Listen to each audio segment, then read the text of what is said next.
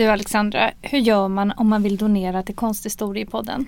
Jo, då går man in på vår Instagram-sida och så går man in på länk i bio och där finns det en knapp som heter Ge en slant till Konsthistoriepodden och den klickar man på.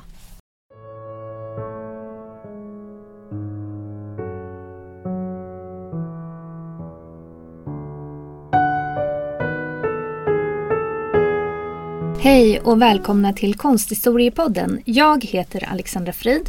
Och jag heter Alexandra Härlitz och idag ska vi prata om Hasselbladspristagaren Dayanita Singh och hennes konstnärskap och framförallt hennes fotografier som visar hennes vän Mona som hon avbildar i olika arkivmiljöer. Om vi tittar på ett fotografi av Dayanita Singh så avslöjar de egentligen inte mycket. Flera av fotografierna föreställer tygbylten och som konstvetare så ställer vi oss ofta frågan vad är det vi ser? Men just i de här fotografierna så ger det oss inte många ledtrådar. Det är ju bara tygbylten i skiftande röda nyanser som är ihopknutna men vi kommer att prata lite mer om det senare. Det första man möter när man undersöker Dianita Singhs verk är att hon har ett stort intresse för själva formen för hur hennes fotografi visas. Och det är också det som nämns bland annat i motiveringen för varför Dianita Singh har blivit vald till Hasselblads pristagare 2022. Det lyfts i motiveringen att hon presenterar sina fotografier på ett innovativt sätt i böcker eller i installationer och att hennes mobila museer, som hon kallar sina böcker och installationer, uppmuntrar publiken till interaktion med verken. När bilderna kan lyftas fram, arrangeras och arkiveras i sina strukturer. Det är det vi ser i utställningen, i de flexibla strukturerna som håller fotografierna. Någonting som hon vänder sig väldigt mycket emot är den traditionella formen för hur fotografi visas som platta objekt som hänger inramade på väggen. Dayanita Singh har under många år experimenterat med olika former för hur hennes fotografi ska ställas ut. Till exempel i verket File Museum från 2012 där hon visar fotografierna tagna på olika arkiv i en presentationsform som blir hennes eget dokumentmuseum som hon kallar det för. Fotografierna är monterade i dessa trästrukturer och bilderna är placerade bredvid varandra i en form som påminner om en överdimensionerad kontaktkarta som används i analogt fotografi.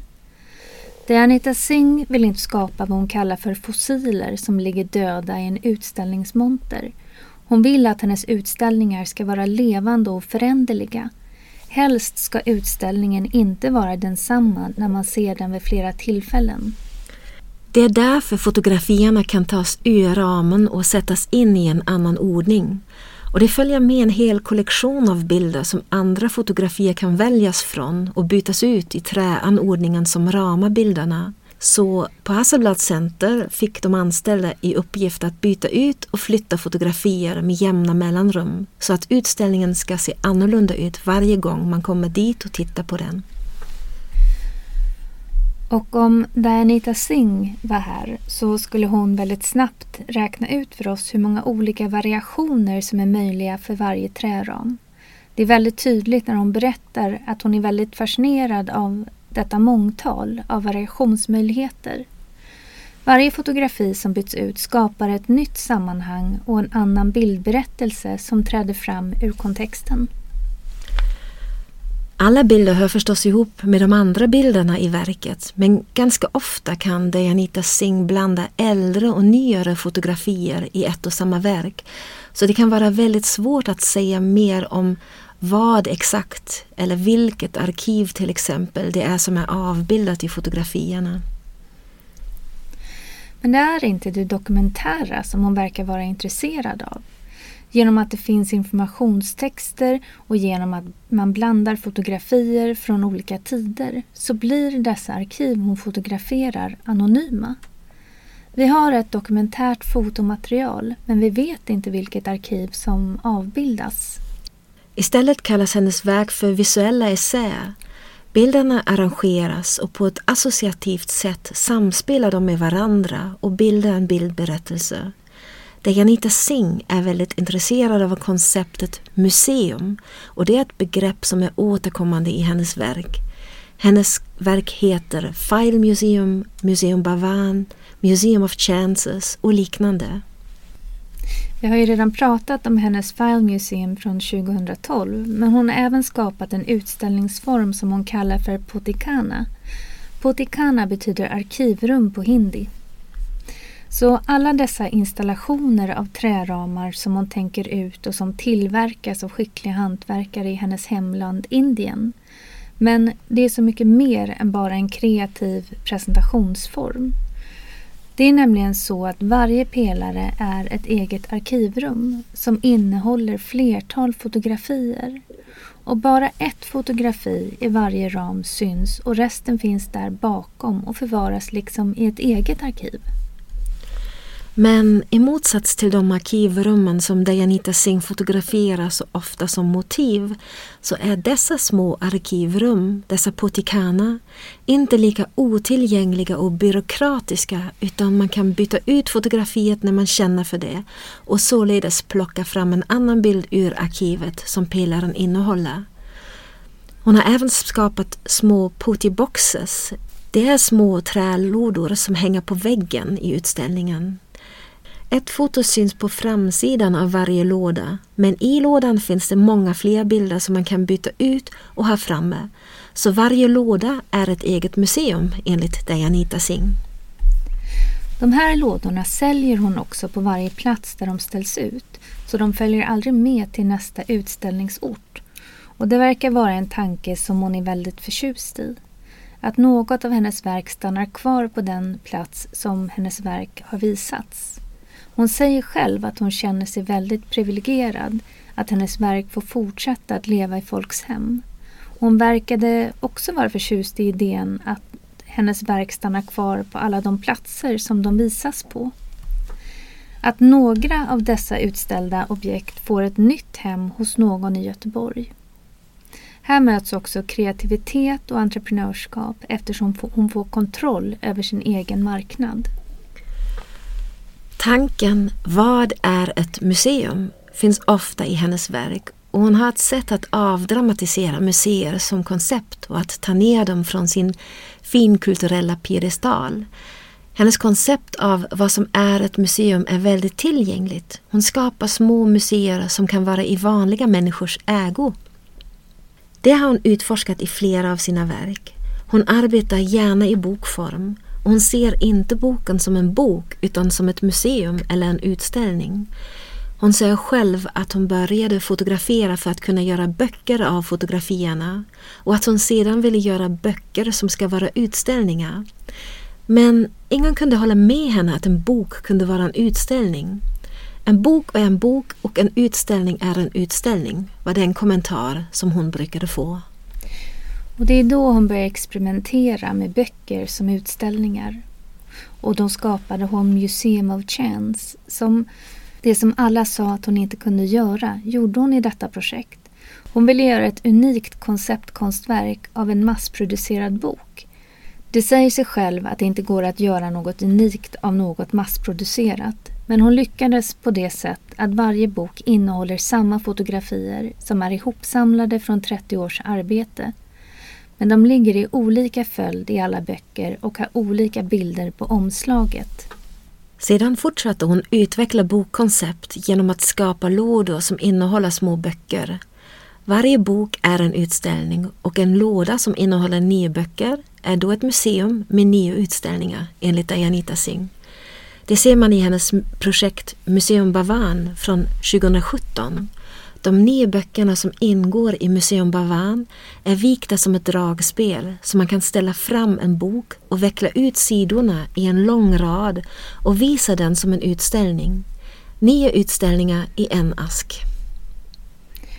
Så nu kan man ta med sig böckerna och ställa upp utställningarna vad man vill och kombinera dem i olika utställningar med varandra. Och varje ask är återigen unik då de är inslagna i handgjort indiskt tyg. När vi träffade Dianita Singh i samband med Hasselbladsprisets ceremoni så hade hon dessutom på sig en väst som hon hade skapat. På ryggen fanns en broderad text där det stod My life as a museum. På västen hade hon nio fickor. För varje utställning från Museum Bavan en ficka som hon lätt kunde ta fram. Utifrån hennes idéer om utställningspraktik blev denna väst en länk mellan konstnären, museet och utställningens publik. För vem som helst i publiken blir förvandlat till ett eget museum när man bär detta klädesplagg med utställningarna i fickorna. Nu när man hör om Dianita Singhs kreativitet och energi som verkligen bubblar fram när man träffar henne så vill man nog gärna veta lite mer om hennes biografi och hennes väg till att bli fotograf. Dianita Singh föddes i New Delhi 1961. Hon utbildade sig i Visual Communication på National Institute of Design i Ahmedabad. Senare läste hon fotojournalistik och dokumentärfotografi på International Center of Photography i New York City. Redan i 18-årsåldern var hon intresserad av fotografi och vid en konsert av musikern Zakir Hussain stoppades hon av en vakt när hon försökte fotografera musikern under spelningen. Dianita Singh verkar välja motiven eller porträtten på grund av tillfällighet eller händelser och i musikern Zakir Husseins fall var det en ren tillfällighet att hon lyckades komma honom nära. Efter spelningen talade hon med Sakir som då bjöd in henne på drep och det var efter den kvällen som hon bestämde sig för att bli fotograf. Tablaspelaren Hussein skulle bli ett viktigt motiv för Dianita Singh som följde honom under sex vinterturnéer för att dokumentera hans konserter. Till slut, 1986, publicerade hon sin första bok som hette Sakir Hussein. I boken nämner hon Hussein som hennes första riktiga guru, den lärare eller förebilden som lärde henne något som kanske är den viktigaste färdigheten av alla, att ha fokus. Vi har tidigare pratat mycket om Dianita Singhs presentationsformer men det finns ju mycket att säga om hennes motiv också förstås. Något som är återkommande i hennes verk är ju just arkivet som motiv. Hon har fotograferat allt från mindre kontor till stora arkiv sedan det tidiga 2000-talet. Och även här finns en biografisk koppling som också relaterar till titeln på utställningen på Hasselblad Center som heter Sea of Files. Det Anita Singh berättade att när hennes far gick bort så var det hennes mor som fick ta hand om alla hans dokument och dokumenten kring hans bortgång och kommenterade då något i stil med What a sea of files, alltså vilket hav av dokument. Så det var där hennes intresse för arkiv började. När vi frågade henne om hur många arkiv som hon hade fotograferat så kunde hon inte svara på hur många hon ens hade varit i. Det var alldeles för många helt enkelt. Och det enskilda arkivet i sig är inte så viktigt för henne utan hon skapar med sina bilder av arkiv som hon blandar fritt och utan titlar snarare en syntes av alla dessa olikartade arkiv. Att de liksom läggs ihop till ett enda stort arkiv i hennes verk. Det som fascinerar henne är just denna individualitet som finns i varje arkiv. I Indien finns det ingen övergripande struktur för hur man förvarar arkivalierna. Det brukar vara de anställda själva som tänker ut egna strukturer både vad som gäller hyllsystem och förvaring, men även ordningen. Och det är denna individualitet i dessa ändå så byråkratiska och svårtillgängliga rum som hon älskar. Hon förklarade att det är väldigt svårt att ta sig in och ta bilder av arkiven. Men hon verkar ha varit väldigt framgångsrik i att ta sig in i mängder av arkiv utifrån alla hennes fotografier. Vilket inte är förvånande för hon är en väldigt energisk person. På ett positivt sätt. Hon utstrålar en väldigt positiv energi. Tittar man närmare på hennes fotografier av de enskilda arkiven rent motiviskt och kompositoriskt så ser man att många bilder fokuserar på arkivens speciella aura och atmosfär. Genom bildkompositionen framstår dessa arkiv som ganska små och ibland nästan klaustrofobiska rum som är fullproppade med alla dessa högar av dokument som förvaras på olika sätt i högar av mappar och knyten i vissa fotografier har vi travar av dokument framför oss och man kan inte undgå att undra vilken information som ligger begravd i alla dessa filer i de tunga högarna.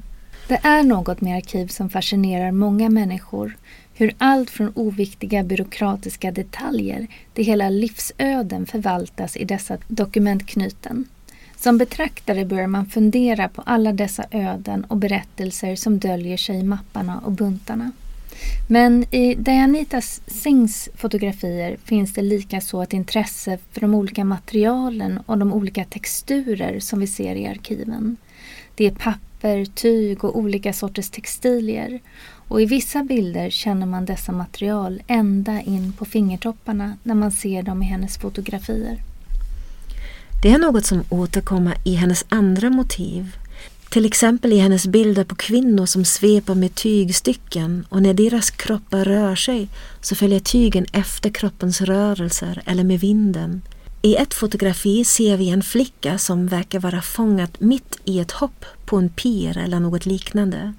Hennes kläder består av sjalliknande tyger som är lindade runt hennes kropp och som lyfts lite lätt i den nedre kanten och vid ärmarna på grund av hoppet. Samtidigt som det hänger olika tyger på både p-muren och även stålvajer som är fäst på denna mur. Som betraktare lämnas man ganska ensam med bilderna.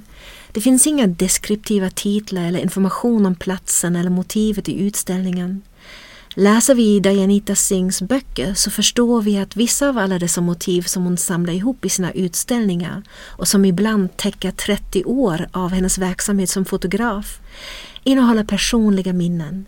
Men vi vet inte vilka bilder det är och hur de hör ihop. Arkiven är återkommande men motiven och fotografens tekniker har ändrat sig. Hon tar sig inte längre bara in i arkiven och fotograferar där. Delvis så har hon gått över till ett slags fotokollage där hon klipper in sin vän Mona Ahmed i arkiven. Utifrån Dianita Singhs egen berättelse har denna collageteknik utvecklats som en slump då fotografier som hon hade tagit av Mona råkade falla ner på hennes andra fotografier som just visade arkiven. Så serien Mona in the Archives uppstod av denna slump och kom att bli hennes hyllning till sin nära vän. Och denna vänskap och det återkommande motivet av Mona vill vi gärna titta lite närmare på. Vännen Mona förekommer i flera verk, till exempel i Dayanita Singhs andra bok som kom ut 2001 och som hette Myself Mona Ahmed denna fotobok är en blandning av porträtt, biografi, självbiografi och fiktion. Man skulle kunna klassa den som en slags visuell roman. Denna fotobok om Mona uttrycker också Dianita Singhs vägran att bara arbeta med ren fotojournalism och hennes obehag för hur västvärlden brukar se Indien på ett väldigt förenklat och exotiserande sätt. Dianita Singh berättade att hon hade träffat Mona Ahmed mycket tidigt i sin karriär. Redan 1989 då hon var på ett uppdrag för London Times om eunucker i Indien. En eunuck är historiskt sett en vuxen man med skadad testikelfunktion och låga testosteronvärden, antingen genom ingrepp eller medfött. På grund av detta så går eunuckerna inte genom puberteten. De behåller sin ljusa röst, utvecklar inte sin muskulatur, saknar könsbehåring, skäggväxt och könsdrift. Och I och med detta uppdrag skulle Deanita Singh fotografera en grupp eunucker och hishras som är ett indiskt begrepp för personer som är födda som pojkar men som lever som transsexuella. Så då begav hon sig ut i de smala gränderna någonstans i New Delhi och frågade sig fram tills hon hittade Akbar Milkmans Lane för att hitta huset där den kände eunucken Shaman bodde. Singh hade hört talas om Shaman som tidigare ingick i ett vackert Hishras par som var känt för sina uppträdanden på bröllop. I sitt letande efter Shamans eunuckhushåll lärde hon känna Mona. Singh berättade i boken om sitt första möte med Mona och hur hon irrade runt i de små gränderna, lite rädd för att ringa på dörren till huset. I dörröppningen möttes hon av en mycket stilig eunuck som var uppsminkad och bar många smycken. Välkommen till mitt hus, sa Mona. Singh blev förvånad över den värme som hon hälsade välkommen med. Inte bara av Mona men även av de andra eunuckerna som bodde i det hushåll som shaman ledde. Dayanita Singh lät sig skärmas av samma människor som tidigare hade skrämt henne på New Delhis gator. På gatorna kunde eunucker hota kvinnor att lyfta på sina kjolar och blotta sina könsorgan om de inte gav dem pengar. Mona Ahmed föddes med det manliga namnet Ahmed men valde sedan det kvinnliga namnet Mona för att identifiera sig som kvinnlig eunuck samtidigt som det saknades pengar för att utföra just korrigerande operationer. För Dayanita Singh var hon alltid Mona. För Monas familj förblev hon Ahmed. Mona gick med på att fotograferas av Singh och det förvånade henne. De tillbringade en hel dag tillsammans med kameran men när Mona i efterhand förstod att fotografierna skulle användas till en artikel i London Times ändrade hon sig och ville inte längre vara med. Hon hade släktingar i London som inte visste om att hon var eunuck. Hon bad Singh att lämna tillbaka filmrullen, vilket hon också gjorde. Istället trycktes artikeln med en illustration då Singh sa till reporten att filmen blivit förstörd i framkallningen. I efterhand så har Singh tänkt att när hon kastade filmrullen så skapades ett speciellt band mellan henne och Mona. Enuckarna i Indien är en väldigt speciell och intressant företeelse. Eftersom de varken ses som manliga eller kvinnliga tror människor traditionellt att välsignelsen eller förbannelsen av en eunuck har magiska krafter. Mona berättade för Singh att eunuckerna förr i tiden blev ofta inbjudna att komma hem till familjer och att ge sina välsignelser vid olika ceremonier.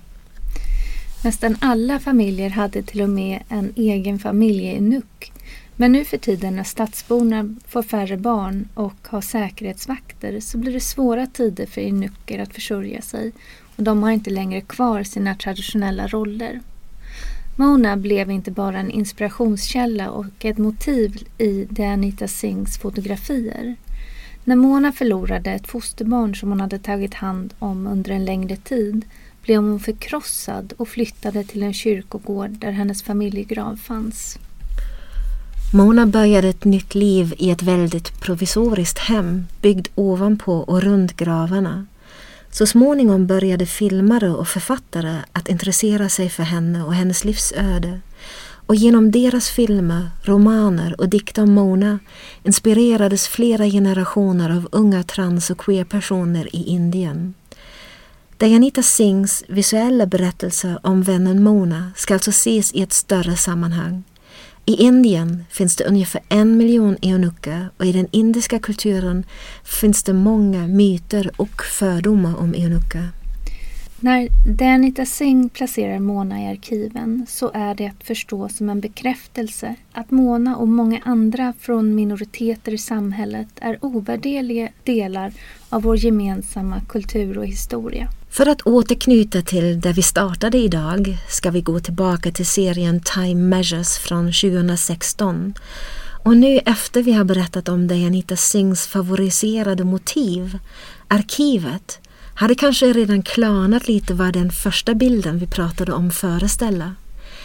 I denna serie fokuserar hon på enskilda i tyg insvepta buntar av dokument i arkiven och skapar i princip enskilda porträtt av en mängd av dessa buntar som hon liknar vid människoporträtt.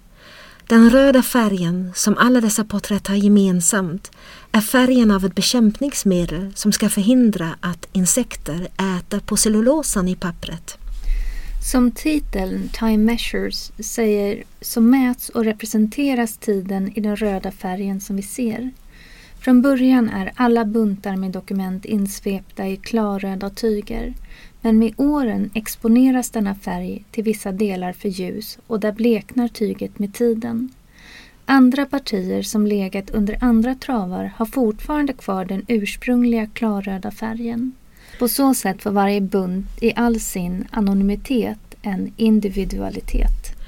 Och när varje bunt med dokument porträtteras i denna stora skala och verkligen får ta plats på väggen så får knytena också en tyngd där Anita Singh jämför sina porträtt av dessa röda knyten med människoporträtt som representerar liv och berättelser i arkiven. Det var vad vi hade att säga om årets Hasselbladspristagare Dianata Singh och hennes fotografier. Tack så mycket för att ni har lyssnat och om några veckor, den 26 januari, så kommer vårt nästa poddavsnitt.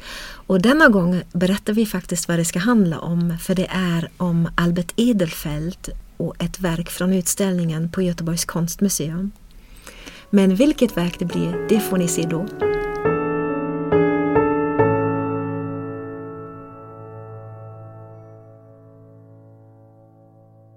Manus och klippning görs av Alexandra Frid och Alexandra Herlitz.